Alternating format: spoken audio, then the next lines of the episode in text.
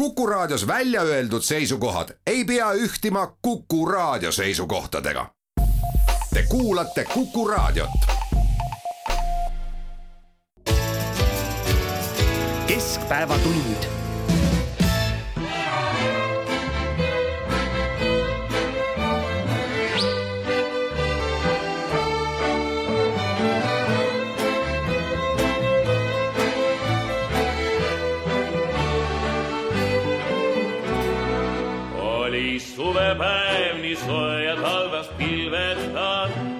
emme purjuks jäädis kodurannast lahkuma. sa mind sadamasse saatma tulid silmad vees, sügav lahkumise valu sinu südames. oma pea sa õrnalt panid minu rinnale, sinu armusõnad tungisid mu hingesse,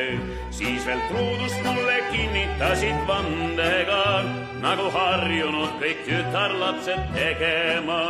ja see armuvanne pealegi neid oli kaks, sai veel suudlustega kinnitatud kindlamaks. vali hüüe siis su emmusest mind äratas, jäta tüdruk, võta köis, nii kapten käratas. aga iga kord, kui masti pidin ronima, kiiverpoomil kõrgel mere kohal kõlkuma, kui sain taluda küll tormisid, küll tuulima ikka õhkasin mu oma armas Julia.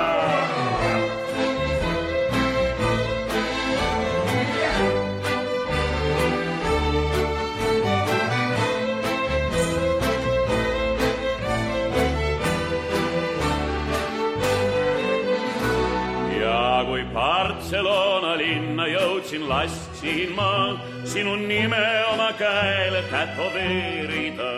sulle armastuse kirju saatsin hulgana, sinu terviseks lõin klaase kokku poistega, kuid sa truudusetu, mida mulle tegid sa, on nii raske sellest mõelda kui ka rääkida. minu kuju oma südames sa kiskusid, kõik mu kirjad ahju põlema sa viskasid, sina silmi tegid ühele ja teisele, aga kolmandale kinkisid sa suudluse. ühelt tantsuõhtult teisele sul oli rutt, ikka edevamalt kõlas sinu naerjanud. viimaks võrku võtsid peiu üsna püsiva, aga luba endalt lõpuks siiski küsida, mis sa kostad, kui tal pähe lasen kuulima sina valelik ja truudusetu Julia.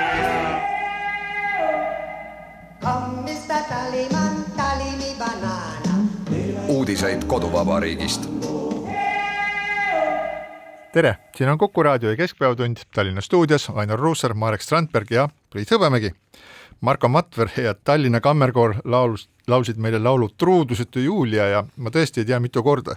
Jüri Ratas, Tanel Kiik ja kõik endised Keskerakonna ministrid on seda jõudnud juba kuulata, aga selle laulu paralleel eilsete sündmustega, mil Kaja Kallas teatas Keskerakonna ministrite koju saatmisest oma valitsusest, on ilmne. tõepoolest, milline reetur, reeturlikkus, me oleme juba jõudnud meedias seda lugeda ja kuulda, kuidas Keskerakonna ministrid süüdistavad Kaja, peaminister Kaja Kallas sellest, kuidas neid on alt veetud, kuidas neid on reedetud, kuidas nad on kõige paremas äratundmises teinud oma tööd, tahtnud vabariigile kõige paremat ja nüüd korraga saadetakse nad koju, milline häbi. selle peale tahaks öelda kolm sõna ha, ha, ha. Jaa, aga ütleme no, nii, et ma, ma ei saa aru, mille üle te ilgute, et äh, me ei ilgugi. valitsuste vahetus on täiesti normaalne, valitsuskriis on täiesti normaalne nähtus, Eesti on normaalne riik, valitsuskriise ei ole siin olnud väga palju, aga noh, ütleme nii, et Isamaale eriti, aga ka sotsidele on, on nüüd avanenud enne valimisi uus võimalus. iseküsimus on see, et kas äkki oleks enne kohutavat sügist enne kohutavat talve ja enne hirmsat märtsi, kui selguvad valimistulemused, olla opositsioonis või kanda seda hirmsat vastutust. ja üks, üks asi, mis ma tahaks siia vahele öelda, et jube lihtne on sellest nagu sellest arutelu algusest kukkuda siis nagu poliitmatemaatikasse ja hakata arutama, et kellel on nii palju hääli ja kellel on nii palju hääli ja ja nii edasi ja nii edasi, kui, kui sa alguses ütlesid, et et äh, mis te ilgute, siis ma ütleksin, et ma tunnen siirast rõõmu, sellepärast et meil on olnud valitsuses pikka aega erakond, kellel on kriminaalsüüdistusi, kahtlustusi, kes on kriminaalasjades mõistetud süüdi. Ja me oleme sellest siin rääkinud väga palju kordi, et kuidas on võimalik, et erakond, kes kogu aeg komistab kriminaalseadustiku paragrahvide otsa ja kukub ninali ja saab siis süüdimõistva otsuse, on järjest, järjest, järjest valitsuses. Ja Ek... nüüd me võime öelda, et nüüd enam ei ole, et meil ei ole sellist nagu kriminaalset erakonda selles valitsuses, see on nagu üks asi, mis ma tahtsin öelda. Ja teine on see, et lõppkokkuvõttes kõik need muudatused ei ole ju mitte poliitikute või valitsejate huvides, vaid see on see, et me saaksime Eestis oma asjad paremini korda seada, et meie elu oleks turvaline, et me oleksime kaitstud, et me suudaksime talvele hästi vastu minna. Ja see on nagu see selline noh, kuidas öelda, selline pealisülesanne kogu selle parlamendi matemaatika kohal, mitte et nagu kes saab mitu häält ja nii edasi ja nii edasi, aga kuidas see aitab Eestit edasi või siis jällegi ei aita. Priit, aga sa ei saa välistada seda, et võib-olla me kahe nädala pärast siin saates räägime sellest, et see sinu poolt mainitud kriminaalne erakond on valitsuse juhtpartei. no siis võtame silmad pihku ja laulame mingit muud laulu. mingit muud laulu, jah. see on muidugi Eesti riigi ajaloos siin taasiseseisvumise järgselt esimene kord, kui tõepoolest valitsusjuht otsustab ühe erakonna valitsusest välja heita ehm, õiguslikult on see võimalik selles mõttes, et midagi ei seo, tavaliselt nagu see, mille peale kõik see selline noh, kuidas ma ütlen, niisugune kiusu ja ajamine ja vindumine on rõhunud, on see, et valitsusjuht peab koos valitsusega tagasi astuma. aga nüüd ütles, et vaadake, et meil ei ole kahte paati, mis on nii seotud, et kui üks põhja läheb, peab teine ka minema, et lasti lihtsalt üks põhja.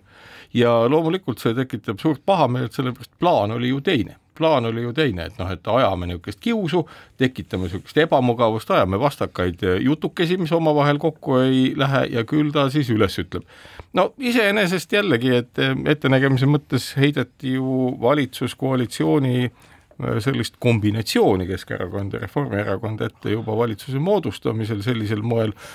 ja no üsna selge oli, et kõik need nii-öelda halvad asjad, mis Keskerakonnaga kaasas käivad, siiski lõpuks realiseeruvad, lihtsalt tänaseks hetkeks sai, sai Ukraina sõda selleks katalüsaatoriks, mis pinged viis nii kõrgele, et eh, noh, ütleme nii, kahekümneprotsendise inflatsiooniga riigis lahendada samal ajal ka julgeolekuküsimusi, mis on seotud nagu tõepoolest riigikaitsega, ja teha seda olukorras, kus sul istub valitsuses mingi seltskond, kes ajab poolenisti natuke nagu Kremli juttu, natukene lihtsalt iba suust välja, natukene veel midagi, vaatab, et kui saab kiusu ajada, siis ajab kiusu, on üsna talumatu, nii et noh, selles mõttes nii-öelda noh, nagu, nagu võikski öelda, et Kaja Kallas lõpetas üsna jõuliste võtetega kolhoosi toimetamise omaenda valitsuses, mis iseenesest ju on jõuline samm, nüüd muidugi Priiduga nõusse jäädes, ega me ju ei tea, noh, ütleme, neid niisuguseid äh, kiuslikke on ju igal pool, et ega me ei saa öelda ka, et Reformierakond ei sisalda endas teatavat poliitilist kiusu, alati on olnud, muud moodi seda ei saagi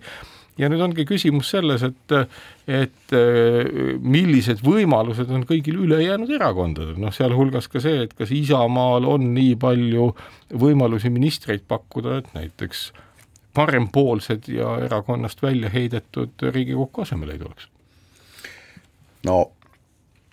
mina ei tea ühtegi parlamendierakonda, kes ei leiaks ministrit ja kui ta ei leia seda parlamendiliikmete hulgast, siis ta leiab seda kusagilt mujalt ja meil on olnud ju no Tanel Kiik näiteks, hiljutine minister, ei ole ju parlamendist. absoluutselt, et, et minister ei pea kindlasti olema parlamendist ja meil on olnud ähm, lühikest aega küll ka üks äh, valitsus, mida nimetati spetsialistide valitsuseks, kus ei olnudki väga palju poliitikuid, aga aga noh, fakt on see, et et äh, homme õhtul peaks olema selge, millise tee siis Isamaa valib ja Isamaal on suur võimalus, reiting ei ole küll väga suur, aga ma ei ole sinuga, Marek, selles mõttes nõus, et nüüd Isamaa ükskõik kumba valitsusliitu ta peaks minema, kas Keskerakonna või Reformierakonna, et nende pink oleks nii lühike, et sealt ei leiaks ministreid, välisministrit me ilmselt juba teame. no jah, ma, Isamaa trikk ongi selles, et ükskõik kui vähe neid parajasti seal on või, või palju, aga pigem on neid vähe, aga siiski neil on nagu erakordne võime ennast kokku võtta otsustavatel hetkedel ja teha ära kohalikud valimised, teha ära Riigikogu valimised, teha ükskõik mis asjad teha ära ja jääda ilusasti veepinnale, et see tuumik on väga tugev ja see, ja Eesti mõttes on ka see traditsioon on väga pikk ja on näha, et see on siis väga paljude valijate valijatele äh, saanud omaseks, nüüd kui nagu ma tahtsin rõhutada veel seda, et oluline on see, et mis saab nagu edasi, et kuidas see siis nagu kõik mitte, kes seal koos hakkavad istuma, et mida see tähendab meile kõigile, mis see tähendab riigile, mis see tähendab Eesti positsioonile kogu maailmas, on selge üks asi küll mulle, et äh, täna hommikul, kui ma vaatasin välismeediat läbi, siis äh, selline väga mainekas väljaanne nagu Foreign Policy, mis tegeleb välispoliitikaga, selle esimene teema oli Joe Biden ja teine teema oli väga pikk Kaja Kallase intervjuu, kus teda siis äh, esitletakse kui ähm, Ukraina sõjal äh,, Ukraina sõja osas Venemaale võimalikult karmide sanktsioonide eeskõnelejat kui kõige tugevamat Prantsuse presidendi, Prantsusmaa presidendi Macroni ähm, kriitikut. Ja kolmanda punktina tuuakse siis äh, välja äh, sellest sissejuhatust ka seda, et ka kodusel rindel on Kaja Kallas äh, sama kõva kui ka mujal, et just äsja saatis ta, saatis ta koju oma valitsuse väiksema junior partner, väiksema nii-öelda osapoole ministrid, kes olid tükk aega juba tolmu keerutanud. nii et äh, see Kaja Kallase maine, mis meil praegu on, ja millist kasu see Eestile toob, et see on täiesti tähelepanuväärne ja ma olen väga kaugel sellest, et öelda, et üks peaminister peaks olema peaminister lihtsalt sellepärast, et äh, ta oskab õigel ajal rääkida neid õigeid asju, mida ma Kaja Kallase puhul arvan, et ta usub ka neid äh, õigeid asju. nii et mitte sellepärast ei võiks äh, Reformierakond jätkata valitsemist, ajad kahtlemata on keerulised, aga samas jälle ma ei tahaks ka öelda, et kui on keerulised ajad, siis peabki olema ainult üks mingisugune erakond valitsust juht, juhtima, aga nüüd, kui ma panen siia kõrvale ja kujutan endale ette, siis äh, vabandage nüüd väljendust, kujutan ette Jüri Ratast mõnel äh, NATO üritusel või äh, tegemas siis samasugust õhutustööd, nagu teeb Kaja Kallas, siis vabandage väljendust, ma arvan, et see asi mitte kuidagi välja ei kuku, üks päev liikus Facebookis ringi üks naljakas äh, ekraanitõmmis, mis oli pärit, nagu mina aru sain, aja, ajalehest The Guardian. Ja selle, see oli võetud, see oli foto, see oli külje pealt võetud umbes nii, nagu Marxi, Engelsit ja Leninit kunagi kujutati siis nii-öelda kol-, kolmikportree külje pealt profiilis. kõige kaugemal oli siis äh, endine Saksamaa kantslerinna Angela Merkel, kes oli niimoodi aktiivselt ettepoole kummardunud, siis keskel oli Prantsusmaa president Macron, kes oli püsti nagu tikk. ja siis üks mees magas. ja siis kõige, kõige siis ähm, kaamera pool oli üks seljatoele äh, lösakile vajunud mees, kelle pea oli kuklasse vajunud, suu oli lahti ja silmad olid kinni. Ja sinna alla oli siis ajakirjanik kirjutanud inglise keeles järgmise teksti. ma ei tea, kes on see mees, kes on meile siin pildi peal kõige lähemal, aga ma võin teile kinnitada, ta on meie kõik. Nii et ütleme nii, et, et äh, rasketel aegadel on propagandistlik väärtus on väga suur väärtus omaette, et Kaja Kallasel seda on ja ma loodan, et see ka õnnestub kuidagi asju ajada nii, et äh, seda propagandistlikku väärtust me saame nautida ja ei mängi seda positsiooni, mis me oleme siin ikkagi äh, saavutanud selle Ukraina sõja ajal Euroopas ja aidanud ka Euroopat ennast paremini paremini kokku võtta, torkida tagant neid, kes ei taha nagu kiiresti susse jalast ära võtta ja neid jooksukingade vastu vahetada, toetada Ukrainat ja nii edasi ja nii edasi, aga selles on Kaja Kallas olnud tõesti väga tugev. ma täpsustan ühte Mareki väidet siiski, et kaks tuhat üheksa Andrus Ansip viskas ka sotsid valitsusest välja, nii et tegelikult aa, teine juhtum juba, nojah, siis põhimõtteliselt eh, jah, ma vabandan, ega mul nii-öelda poliitilisest ajaloost mälu on niisugune hägus, aga siis tõenäoliselt... ei ole keegi puhas nagu prillikivi, ütleme nii, ka mitte Edgar Savisaar seejuures, aga ja. keegi pole puhas kui prillikivi, kõik need, kes poliitikas, mitte et ma seda heaks kiidaksin kuidagi, aga kõik need, kes poliitikas on pikka aega tegutsenud, need on teinud mingisuguseid trikke, tempe ja kindlasti tõmmanud kellelgi ka mingisuguses olukorras vaiba alt ära, nii et see ja, ja selles mõttes on mul, et äh, huvitav oligi vaadata siis pärast seda Kaja Kallase minu jaoks täiesti põnevat ja huvitavat ja sellist nagu innovaatilist liigutust, et sa viskad lihtsalt äh, tüübid to toast välja ja lood mingisuguse täiesti uue olukorra, et see on selline tõeline nagu tehnoloogiline murrang, et see on, see on täiesti nagu jaa, aga see, see, see murrang oli ka möödapääsmatu, sellepärast et ega noh, ütleme kui tõmmata kvantmehaanikast paralleeli niisuguse tuntud objektiga nagu Schrödingeri kass, kes teadupoolest äh, võib olla samal ajal nii elus kui surnud ja ennem kui me kasti lahti ei tee, me ei tea, milline on olukord. ja antud hetkel ka see olukord ju laheneb sellisel moel, et noh, et me võime ju arutada lõpmatuseni, kui meil istub näiteks üks mingisugune niisugune kolhoosnikute klubi mingis nii-öelda muud tööd tegevas seltskonnas, et no mis saaks, kui kolhoosnikke enam ei oleks, no arutame seda, et äkki on niimoodi, äkki on naamoodi. kõige lihtsam on aru saada sellest, mis saab ja võtta see risk tõsta kolhoosnikud ukse taha ja öelda, et noh, vaatame nüüd, mis saama hakkab. Ja loomulikult asju hakkab sündima. on need, kelle nii-öelda seesama nii-öelda poliitiline ambitsioon on väga suur, no nagu me teame, näiteks ka sotsialistidel ei olnud mingit vaeva. Täpselt sel hetkel, kui Kõlvart tegi näpunipsu, joosta Tallinna linnavalitsusse ja jätkata sellega nii-öelda Kõlvarti. Öö, linnavalitsuse ütleme suhteliselt loidu ja kummalist tegevust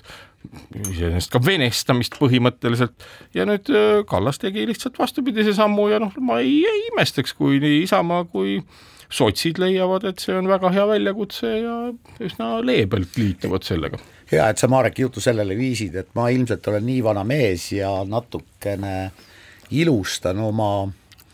paarikümne aasta taguseid mälestusi, aga, aga minu mälestustes olid erakondadel nagu oma näod ehk siis tõepoolest, kui keegi ütles, et nad on parempoolne, siis nad olid parempoolsed, kui keegi ütles, et ta on isamaaline, siis ta oli isamaaline ja nii edasi, et äh, mis, nii. mina tahaksin näha mis? seda, vabandust, ma tean, et te naerate, jah. me, me, me naerame. aga ma, aga ma ütlesin ka, et ma olin siis kakskümmend aastat noorem ja meie ka Teie ka või? ja, ja aga, aga, see, see, aga ma tahaksin näha seda, äh, seda partei nägu või äh, selle valitsuse kolme partei nägu äh,, kui selle valitsuse peaks moodustama Reformierakond, Isamaa ja sotsid. et esiteks, kuidas see valitsus läbi nende erakondade kui lugeda programme, siis on see nägu täitsa olemas. ära loe, ära loe, need ei ole, need ei ole mõeldud selleks, et need lugemiseks. ei ole loetud, keegi ei loe neid, mitte keegi. mina lugesin. Nad ise ka ei loe, no asjata. aga asja sisu on selles, et ma saan aru, millele Ainar vihjab ja oma olemuses on ju, kui me vaatame Euroopas ringi pigem Euroopas ringi jah, siis ega valitsuste moodustamine, kokkulepped, näod ja nii edasi, nii edasi, see selgus ongi kadumas. ehk et ega ju Euroopa ei ole kriisi, mille sisu on selles, et Venemaa liigusaldamine ja ilustamine ja kõik muu jõudnud ju noh, kuidagi ise ühtäkki noh, kahekümne neljandal veebruaril sel aastal. see on olnud pikaajaline protsess, kus nii-öelda majanduslikud huvid on mänginud üle ideoloogiad, arusaamad maailmast äh, ja selle tulemuseks on nagu lödiks muutunud mitte ainult Eesti erakonnad ja poliitilised suunad, vaid kogu Euroopas me näeme enam-vähem samasugust lödistumist. aga mida sa nutad taga, mingisuguseid nuta... aegu, kui keegi ütles, et mina olen kommunist ja ma olen fašist ja, ja ei, mina olen ma, ma ei, ei, ei ole vaja. ekslik, minu silmist ei tule ühtegi pisarat, mingit taganutmist ei ole, see on lihtsalt olude kirjeldus. see on olude kirjeldus ehk et eh, kuidas ma ütlen, erakondade piirid kui sellised Õige. on definitsiooni järgi niikuinii kadumas ja, ja seda, et öelda, et nüüd meil peaks nagu need piirid tagasi tulema, maitse asi. mina näen selles. ma tahaks selgitada seda. aga jah, Priit selgitab. sina tõstsid probleemi, sina kirjeldasid. ma ütlen ühe lause, ma olen Reformierakonna, Isamaa ja sotside valitsuses ühte võimalikku eesmärki, mida ei ole kolmkümmend ja rohkem aastat tehtud, see on ainult eestikeelne haridus, seda on nüüd küll kõik lubanud. ma olen sinuga täitsa nõus selles osas, et eh, kõik need asjad, mis on kolmekümne aasta jooksul tegemata jäänud, alates siis nagu Mart Laari valitsusest, kus oli ka terve hunnik neid asju, mis oleks võinud teha, aga mida kardeti teha, et praegune olukord on meil võimalust rakendada, need tuleb ära teha, aga nüüd ma tahtsin nagu selgitada, et miks see selline olukord on siis nagu tekkinud, et, et ei ole suurt, ei ole suurt äh, võimalik vahet teha siis Keskerakonna, võib-olla Reformierakonna, võib-olla sotside, Isamaa vahel ja nii edasi, nii edasi, asi on selles, et kogu poliitika terves maailmas, kuna see, see me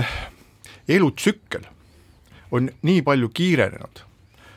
see, kuidas me iga päev elame, selle on toonud kaasa endaga internet ja meie igapäevase suhtlemise kiirus nii suur, et need traditsioonilised nelja- ja viieaastased valimistsüklid, mis on siis nagu Euroopas traditsiooniliselt sada aastat, võib-olla rohkem, sa-, umbes sada aastat valitsenud, et nad on jäänud lootusetult ajast maha, et selle nelja-viie aasta jooksul sünnib niivõrd palju uusi asju ja inimesed muudavad oma seisukohti, et see tsükkel,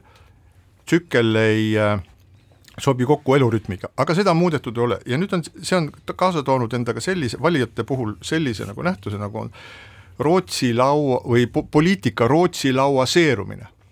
nüüd see tähendab seda, et valija tuleb laua äärde ja siin on sul Keskerakond, siin on Reformierakond, Isamaa, sotsid ja nii edasi, ja kõigil on mingisugune niisugune, ühel on seal kalamari ja teisel, teisel on siis äh, sibulat ja kala ja kuidas, kuidas kellelgi ühesõnaga, kellel on mingi kapsapirukas, eks ole, seal puljongiga, nii. ja nüüd äh, valija vaatab, ahaa, siin on kapsapirukas, väga tore, et põhimõtteliselt ma toetan kapsapirukat, aga ma aeg-ajalt ma tahaks saada ka punast kalamarja. ja ta teeb oma eelistused siis nagu nende, ta teeb oma valiku mitte vertikaalselt, nende silotornide järgi, et meil on siin Reformierakonna torn, tule astu sisse, eks ole, vaid ta, ma võtaksin teilt ühe tükikese ja siis ma võtaksin kelleltki teiselt ühe tükikese, et äh, oma äh, nii-öelda poliitilised eelistused koostatakse selle Rootsi, poliitika Rootsi laua pealt valijate poolt, aga teine asi on see, et nüüd ideoloogiapõhiselt või siis võiks öelda strateegiapõhiselt poliitiliselt äh, süsteemilt on selles olukorras erakonnad sunnitud üle minema taktikapõhisele tegutsemisele, et nad lahend-, et see poliitika tegemine ei ole mitte strateegiate, vaid konkreetsete ülesannete lahendamise põhine. ehk selles mõttes me peame ka vaatama, mitte et Reformierakond kui siis äh, mingisugune ettevõtjate erakond, mida ta ammu enam ei ole, või Keskerakond kui väikese inimese kaitse, mida ta ka väikese vene inimese. väikese vene inimese kaitse, mida ta ka noh, seda ta on, aga, aga nad kõik muutuvad sellisteks massiparteideks, aga nad lükkavad valija ette nüüd mingisuguseid konkreetseid äh, ülesandeid. et meil on siin perehüvi, meil on siin peretoetused, meil on siin äh, teine pensionisammas, meil on siin mingisugune muu asi, meil on siin mingisugune muu asi ja me olemegi nagu lahkunud sellest ideoloogiate maailmast ja me oleme jõudnud ühiskonna ees seisvate konkreetsete ülesannete maailma ja selles võitluses, no võiks öelda, et tõenäoliselt võidab see, kes pakub avalikkusele välja kiirema ja tõhusama lahenduse mingi parajasti kahe aasta perspektiivis nende ees seisva ülesande lahendamiseks ja unustage no,, unustage kõik muu. mõnes mõttes kirjeldad sa ju Ameerika valimissüsteemi, kus vahevalimised on pidevalt ja kus pidevalt peavad öö, parlamendiliikmed enda õiguse eest seisma, aga ma saan aru, et nüüd on väike vaheaeg. siinkohal väike paus. keskpäevatund.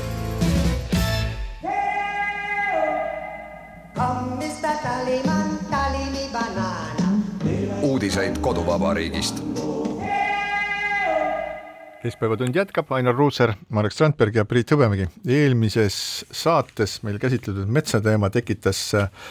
ütleks põletikulist vastukaja, ma vaatasin kohe, kuidas metsatööstuse lobi tõstis,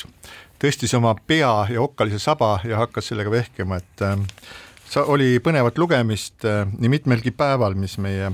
Facebooki kontole siis saabus, aga jätkame metsaga selles mõttes, et äh, nüüd meil on teada seda, et Eesti metsatagavara on jäänud viie aastaga kakskümmend kuus miljonit tihumeetrit vähemaks ja see ei ole mitte äh, kui mõni arvab, et me mõtlesime selle numbri siin ise välja, siis see on Keskagentuuri poolt möödunud nädalal avaldatud keskkonna. keskkonnaagentuuri poolt avaldatud statistilise metsa inventariseerimise, see on see kurikuulus SMI värskete andmete järgi äh, antud number, mille järgi siis on Eesti metsatagavara kahe aastaga kukkunud kaheksateist miljoni, viie aastaga koguni kahekümne kuue miljonit tihu, tihumeetri võrra, vaatamata sellele, et meile on üritatud selgitada, et tegelikult metsa, metsatagavara kogu aeg kasvab, näidatud meile mingisuguste hookuspookus numbritega. Ja kui me nüüd äh, vaatame, mida, kuidas kommenteerivad seda siis teadlased, siis Tartu Ülikooli säästliku metsanduse teadur Raul Rosenvard on selle kohta öelnud, et lageraie riigimetsas on kolmandiku võrra ja erafirmadele kuuluvates metsades kolm korda suurem. Praegused raiereegleid arvestavast jätkusuutlikust raiemahust ja kui me vaatame tabelit, siis me võime öelda, et et ähm, metsa tagavara miljonites äh, kuupmeetrites on äh, langenud pidevalt, kaks tuhat viisteist neljasaja kaheksakümne seitsme miljoni kuupmeetri pealt tänaseks neljasaja kuuekümne, neljasaja kuuekümne nelja kuupmeetri peale isegi sellise raiemahu juures, mis on enam-vähem sarnane, nii et äh, isegi kui me säilitame seda praegust nii-öelda raiemahtu miljonites kuupmeetrites, siis iga aastaga meie metsa tagavara, meie roheline kuld kunagi ka krooni kattevara jääb üha vähemaks ja vähemaks ja võib-olla me kunagi teeme siis ka väljasõidu selleks, et nüüd kolme viimast mingit tutti vaadata, mis kuskil Kesk-Eestis kasvavad. jah, ja siin, siin annaks uuele valitsusele ükskõik, kas selle moodustab Reformierakond koos vasakpoolsete ja isamaalastega või Keskerakond koos, koos isamaalaste ja kellegi teisega, siin on üks ülesanne mida võiks anda kolmanda klassi lastele, ehk siis millega asendada see viieteistprotsendiline eksport. No. mis praegu palgina, puiduna, pelletitena välja läheb. Priit ja Marek, ma olen täpselt sedasama meelt, mulle meeldib metsas käia, mulle meeldib rohelust vaadata, aga ma tahan, et keegi ütleks, kuidas me täidame kriisi ajal selle viieteistprotsendise ekspordist saadava tulu. vaata, Aimar, et, et tegelikult on ju lugu selline, et kõik need väited tulenevad ju millest? tulenevad sellest, et puu, on puudunud pikka aega pikaajaline tehnoloogiline investeerimispoliitika. ja nüüd alati, kui nagu tekib ekspordi puhul probleem, siis arvatakse, et ekspordi küsimusi lahendatakse üleöö, ei lahendata ja selles mõttes nii-öelda noh, seesama äh, metsatagavara lugu meenutab mulle Kreisi raadio sketši, kus Peeter Oja kehastas ärimeest, kes siis tunnistas, ma ei tea, kuhu see kaheksasada tuhat või kaheksasada miljonit saanud on, me kõik tegime õigesti. no kogu aeg on räägitud, et People tee... go, go, money come, come. jah, täpselt, et, et kogu aeg on öeldud, et ei tee õigesti, kogu aeg on vastu vaieldud, ei, meil on siin valemid, meil on siin akadeemikud, kes ütlevad, et me teeme õigesti, no tühja. arvestus on täna tehtud ja on näha, et äh, nii-öelda metsatagavara lekib. mis on metsaasendus? metsaasendus on kõikvõimalik muu tööstus ja, ja, ja see ei tähenda seda, et me peame nagu kogu aeg puitu välja vedama, see on kõige odavam viis, ükskõik isegi kui nendest mingeid maju või muid asju teha, no see on natuke parem, aga me ju veame välja lihtsalt oma metsa ja alles jääb meil ökoloogiline auk ja mida ei asenda mitte millegagi. ja nüüd ongi nagu küsimus, et, et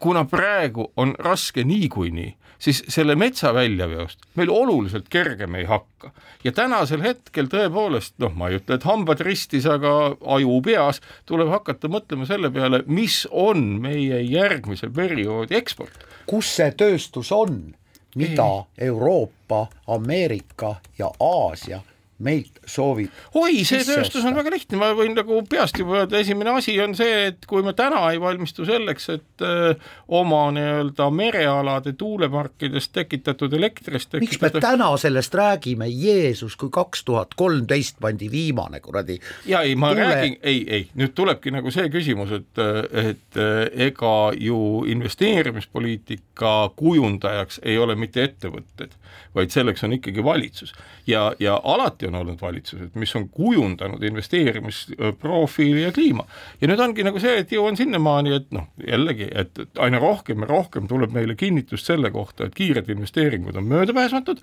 aina rohkem ja rohkem me saame kinnitust selle kohta, et energeetika on see koht, kuhu tuleb paigutada ja mitte põlevkivi kaevandades ja sellest õli tehes, vaid ikkagi tuulest elektrit püüdes ja vesinikku tehes ja see on tulevik, see on aina selgemaks saanud. ja nüüd põhiküsimus seltsimees Savisaarega seotult, kes valitsusest lahkub, on see, kas valitsus kavandab äh, tema nii-öelda ühtäkki ülejala tehtud nii-öelda äh,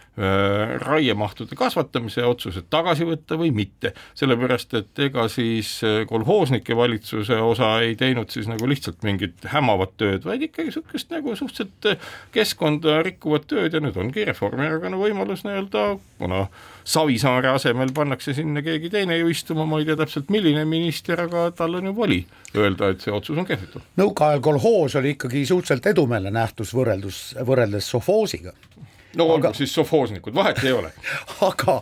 aga miks pagan, me kümme aastat oleme nagu paigalt ammunud, ma olen sinu ideega absoluutselt nõus ja see ei ole sinu idee, seda räägivad väga paljud. no kümme aastat ole, on need, kelle asi on olnud seda otsust teha, vaadanud unise haugi näoga oma ilusast, ma ei tea, büroo aknast välja taevasse, mõelnud, just, et aga ma aga teeme homme. ei, ei, ma olen, ma võin öelda, miks see on nii läinud, selles mõttes, et ju ega alternatiivseid mõtteid on ju kantud ja on olnud ka poliitilisi liikumisi, mis seda suunda on primaarseks pidanud, aga selle peale on tulnud ei tea kust, hästi lihtsalt välja mõeldud vastulause, see kõik on väga kallis. ja kui korrutada kümme aastat järjest, et me ei tee seda, kuna see kõik on väga kallis, siis mis juhtub, maailm naerab inimese üle ja tekitab olukorra, kus kõik, mis alles jääb, on veel kallim, küll sõja, küll kõik mille muu tõttu ja asjaolu, et inimesed ei suuda kollektiivselt, noh, see on iseasi, see on psühholoogiline küsimus, kollektiivse psühholoogia küsimus, ma ei tea, mille küsimus, aga et nad ei suuda aru saada, et kui nad on nagu välja mõelnud selle, et energeetika on julgeolekurisk, et meil on hull naaber ja kus iganes nagu võib see asi lõhki minna, mis nüüd ka juhtus, siis kogu aeg loodetakse, et õnnestub üle kavaldada kellegi teise plaan. see ei õnnestu mitte kunagi, mitte kunagi ei ole meil kellegi teise, näiteks venelaste plaanide kohta piisavat teadmist ja kindlam on toimida enda teadmisest lähtuvalt ja on baasreegel, et sa ei saa öelda, et välispoliitilised suundumused määravad sisepoliitika, kui seda teha, tõmmatakse valitsusele piltlikult öeldes ja riigile kriips peale, alati on põhjust lähtuda sisepoliitikast, alati on põhjust lähtuda nii-öelda egogistlikust arusaamast, mis meile on hea ja sellest kujundada enda välispoliitika. absoluutselt, aga seda me ju näemegi kõikjal. sisepoliitika kujundab välispoliitika, et kui me vaatame seda, et kuidas mitte Eestis, me oleme tahtnud meeldida küll venelastele, küll veel kellelegi ja see soov kõigile kogu aeg meeldida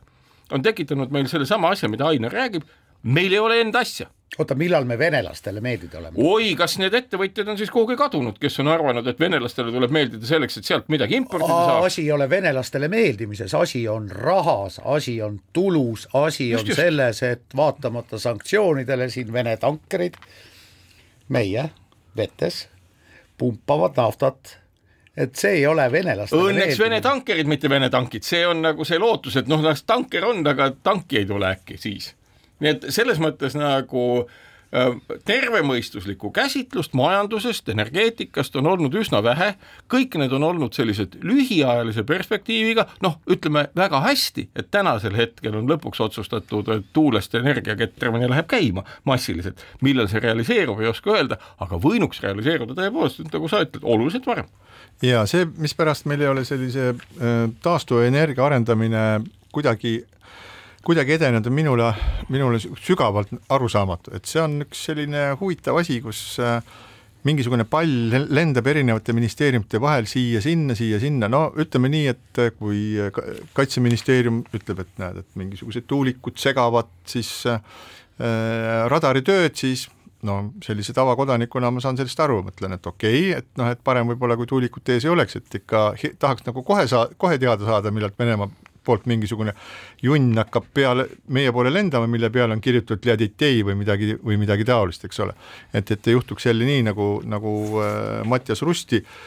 siis äh, piilunud, omal ajal piilunud siis nende Vene äh,, Vene vägedega, kes lõpuks selleks, et probleemist vabaneda, otsustasid, et tegu on linnuparvega ja siis äh, lahendasid sel moel probleemi, aga meil on kirjutatud meenutame kuulajale, et Rust lendas üle Eesti nurgakese. just, just nimelt, et lendas üle Eesti nurgakese ja siis, et ta temast mitte probleemi tekitada, kui otsustasid äh, Vene kindralid, pärast lasti, ma ei tea, mitusada tükki lahti selle eest.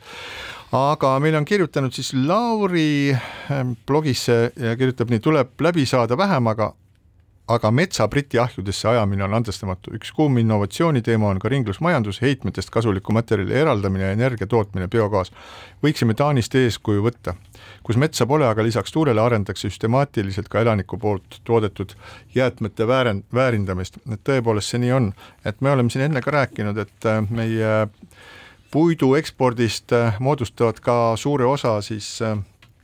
pelletid, mis lähevad Taani, mis lähevad Inglismaale ja selge on see, et äh, tänapäeva maailmas pole võimalik kellelegi ette kirjutada mingisuguseid äh, reegleid, et mida keegi siin äh, toota tohib või ei tohi, niikaua kuni tegu on sellise legaalse business'iga, aga minu lootus, võib-olla väike lootus ka siis ähm, sellele võimalikule valitsuse muut-, muutusele on see, et ühel heal päeval siiski juhtub selline, selline olukord, et kui keskkonnaministriks saab inimene, kes vaatab äh, metsanduse teemasid kaine pilguga ja teadusliku pilguga ja ei tegele sellega, et äh, pärast seda, kui metsatööstuse lobi on uksest välja läinud ja uks pole veel kinni paugutanud, otsustab juba kiiresti siis äh, muuta mingisuguseid andmeid ja lubada rohkem raiuda, nii nagu see juhtus meil siis Tõnis Mölderi poolt e-, üle-eelmise, üle-üle-eelmise üle-eelmise keskkonnaministri mm, Tõnis Mölderi poolt vähendatud siis raiemahuga, mida täiesti ilma mingisuguse analüüsita, mingite põhjendusteta, lihtsalt sellepärast, et metsa eri, ärimehed ja metsalobi käis uksele koputamas, siis äh, juba värskelt valitsusest lahkunud äh, keskkonnaminister Erki Savisaar otsustas, et oh, et ma siin kirjutan alla paberile ja suurendan seda, mis see suurendamine ei olnud, ei tea, mis nagu suur hiiglaslik number, aga ta seda siiski oli. Ja keegi ei ütle ju seda, et äh, taolised asjad ei toimuda, üks nädal kirjutad kaks tuhat kolmsada, teine nädal kaks tuhat seitsesada ja nii edasi ja nii edasi. Ja nii ta vaikselt läheb. Ja siinkohal väike paus. Keskpäevatund.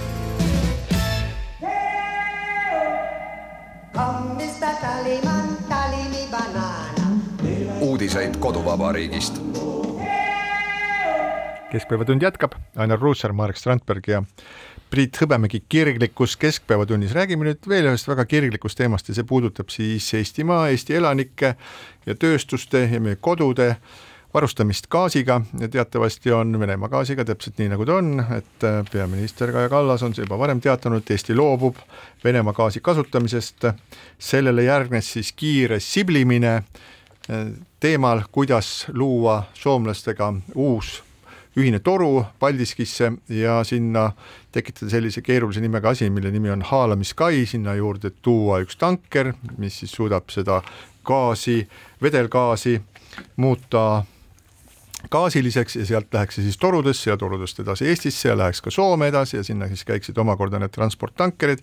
ja see jutt läks käima tohutu hooga ja, ja ei läinudki väga kaua aega, kui tekkis selline tunne, et täiskiirusega kihutav auto on põrutanud vastu betoonmüüri, sellepärast et ühe laua taga istusid, istus Elering, istus äh, Alexela ja samas, selle sama laua taga istus ka meie tänaseks juba endine majandusminister Taavi Aas kelle viimane intervjuu, mille ma internetist leidsin LNG terminali kohta, kannab sellist pealkirja Taavi Aas LNG terminalis, teatud riskid sellise enneolematu tempoga projekti ehitamisel kindlasti jäävad ja nii palju, kui ma olen oma elus neid poliitikute öeldud lauseid kuulnud, siis äh, selline lause, et teatud riskid jäävad, tähendab põhimõtteliselt seda, et vabandage, meil läks järjekordselt, kõik läks meil pekki, aga noh, meie selles süüdi ei ole, lihtsalt on olud sellised. ja mis on sellest LNG terminalist siis tänaseks saanud, miskipärast äh, neid uudiseid pole ka olnud, võib-olla ka läbirääkivad pooled omavahel ei ole väga palju tahtnud rääkida, viimased andmed olid, et mingisugune, et äh, Alexela ja Infortar ehitusega tegelevad, millised täpsemalt olid siis kokkulepped ja mis ajaks see üldse kõik valmis saab, selle kohta ei ole mitte midagi täpsemalt teada, aga ometigi on see väga oluline selleks, et me saaksime talvele vastu minna, noh kui mitte rahuliku südamega, siis vähemasti mitte ärevusest põksuva südamega. no meenutame kahte asja.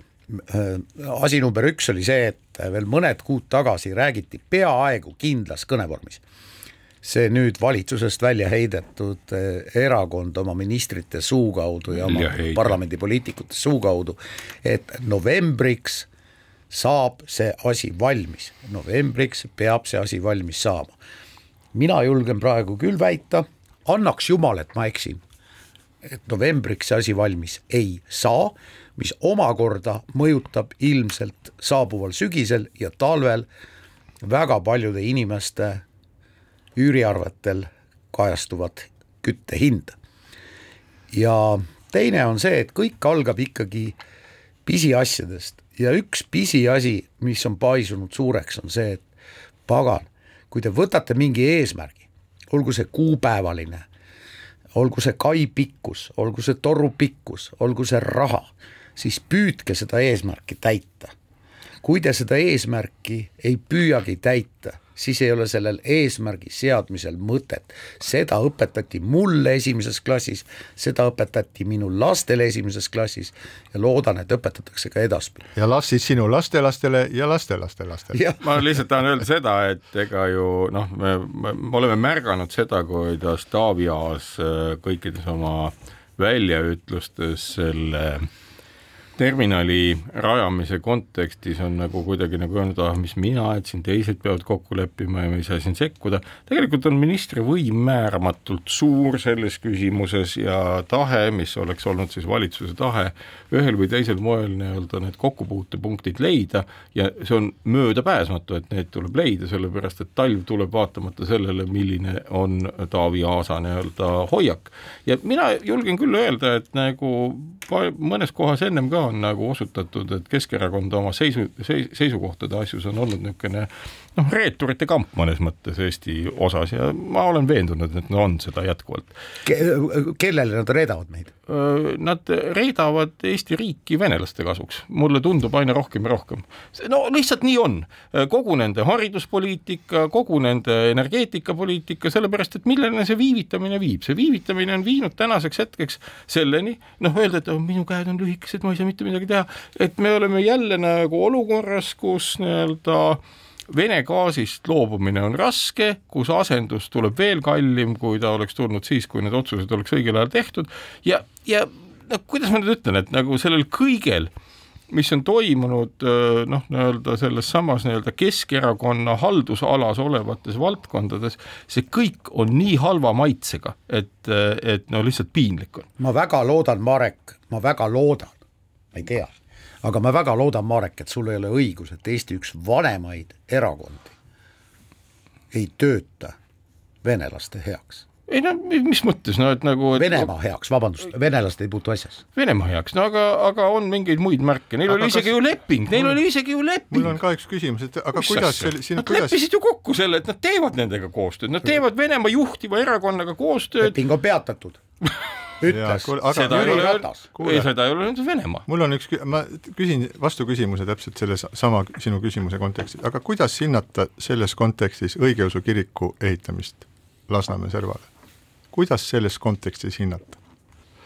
hinnata seda, kui küsitakse ühe Putini lähikondlase Jakunini käest raha selleks, et ehitada õigeusu kirikut, mis on olnud traditsiooniliselt Vene ülemvõimu märk kui me vaatame Aleksandri katedraali Toompeal, siis ehitati see sinna täpselt selleks, et paigutada sinna Vene ülemvõimu märk, siit aknast me näeme seda, rõõmsalt paistab, eks ole, ja samasugune tähendus on ka, on ka sellel äh, Lasnamäe nõlval oleval Vene õigeusu kirikul, nii et selles mõttes, et öelda, et Keskerakonna võib-olla mitte praeguste, aga endiste juhtide üks eesmärk ei ole olnud põlistada Venemaa jälge Eestimaa peal minu meelest küll ei saa, need on isegi materiaalsed, nii-öelda materiaalsed jäljed on sellest jäänud, aga ma arvan, et sa, me, me ei pea vaidlema tegelikult. siin on kaks aspekti, et üks on see, kus see kiriku raha tuli, mina pean ausalt tunnistama, et mind ei häiri äh, väga. Ei see Toompea kirik, mida me aknast näeme, ega ka see, mis Lasnamäe nõlval on ja ja ma ilmselt suhtuksin üsna stoilise rahu, rahuga ka äh, kui Tallinnasse kerkiks kusagile mošee, mida ei juhtu, sellepärast, aga võib-olla juhtub, sest et neid ütleme ära unista, ära, uni, ära unista. Bolti ja Wolti mehi, kes noh, näevad kahtlaselt ühe teise usu moodi välja, tuleb üha juurde, aga mind, ma ütlen ausalt, mind see, mind see ilmselt väga ei häiri, mis mind võiks häirida, on see, kui see ehitis sünnib kahtlase raha survel või mingite äh, naljakate kokkulepete suunas. me ju ei tea neist, aga üks asi veel, mis selle nii-öelda kolhoosnike, sovhoosnike lahkumisega seotult nüüd nagu punn peaks nagu eest ära olema, on nüüd haridusministrile küsimus, et kas siis nüüd ja see alles jäänud valitsus on suuteline siis nii-öelda tõepoolest nüüd kannapöördel siis kõik need nii-öelda koolide venekeelsena hoidmise protsessid nagu peatama ja ikkagi ennem kui neljakümne aasta möödudes pärast taasiseseisvumist või mitme möödudes ikkagi eestikeelsele haridusele üle minna, sellepärast et kõik kinnitused selle kohta, mis eestikeelse hariduse puudumine on Eesti ühiskonnale toonud, on nagu ikkagi ju aina selgemalt ja selgemalt välja joonistunud. Marek Strandberg, sa tead, et ma olen veendunud, paduv veendunud eestikeelse hariduse pooldaja alates lasteaiast, aga ma vastan su küsimusele. vasta. ei sest õpetajaid ei ole. ei, see on samasugune lugu nagu selle investeeringuga, et täna tuleb alustada, et see mingil hetkel valmis Täpselt oleks, aga see peaks olema valmis ennem, kui tiksub aasta kaks tuhat kolmkümmend viis. seadke viie aasta eesmärk, et see uh, küsimus äh, lahendada. just, seda tulebki nüüd öelda, et nüüd on ju kõik probleemid ja mured murtud, sisisev, visisev ja salaplaane tegev seltskond valitsusest on läinud ja helgeid plaane ootaks nüüd kuhjaga ka nende samade uute koalitsiooniläbirääkimiste jaoks, noh, kuigi eks ole, sellele koalitsioonile ei ole palju aega jäänud, alla aasta, aga ikkagi. kutsun üles, ükskõik, kes moodustab valitsuse, esimene jaanuar kaks tuhat kakskümmend kaheksa on Eestis eestikeelne haridus alates lasteaiast. ma arvan, et see tooks ka järgmise aasta märtsis, kui valimised on, tõenäoliselt nendele kõigile, kes seda soovitanud on, kõvasti hääli ja toetust. jaa, aga ega me siin äh, võib-olla elame mitte nüüd just nagu unistustes, aga tegelikult ei ole mingisuguseid valitsusläbirääkimisi tegelikult isegi just nagu alanud, küll on äh, oled sa ikka kindel? On... sihukese tühjuse peal, mis tekkinud on äh, Toompeal Stenbocki majas, käivad läbirääkimised öö läbi. seda seda kahtlemata, aga siin tuleb nagu vahet teha, et kas lihtsalt inimesed istuvad, äh, joovad alkoholi vaba õlut ja omavahel konsulteerivad või siis on tegu juba valitsusläbirääkimistega, kus jagatakse kolme minuti pärast alustavad sotsid oma istungit, et arutada, kas minna valitsusse. just nimelt ja minu teada on siis äh, Isamaa hakkab arutama seda asja alles esmaspäeval, mis äh, mis ei tähenda seda, et nad praegu telefoniliinid ei ole nagu kuumad ja kui, kui kapo kedagi kuskilt seal üldse praegu pealt kuulab, siis on seal nagu traffic ut palju ja läheb väga palju gigabaite selleks, et neid asju kõiki kõiki kuskile salvestada, nii et tegelikult on variandid lahtised, et me ei tea, mis meil saama hakkab, et meil hakkavad, meil on tõenäoliselt neid pretendente troonile on terve suur hulk, kes soovivad äh, sinna pääseda, ei maksa siin, nagu sa ütlesid, kolhoosnike sovhoosnike, kolhoosnike, sovhoosnike erakonda veel sugugi maha kanda, et nendel on omad eesmärgid, on, on EKRE, on sotsid, on Isamaa, ma ei ole küll tükk aega kuulnud äh, midagi sellest, et äh, Eesti kakssada oleks teinud mingisuguse järjekordse väljakutse, mis äh, väljub reaalsuse piiridest, aga mis lihtsalt kõlab hästi. igal juhul elame huvitavaid aegu ja järgmisel nädalal on palju põnevat sündinud. seniks kohtumiseni nädala pärast. keskpäevatund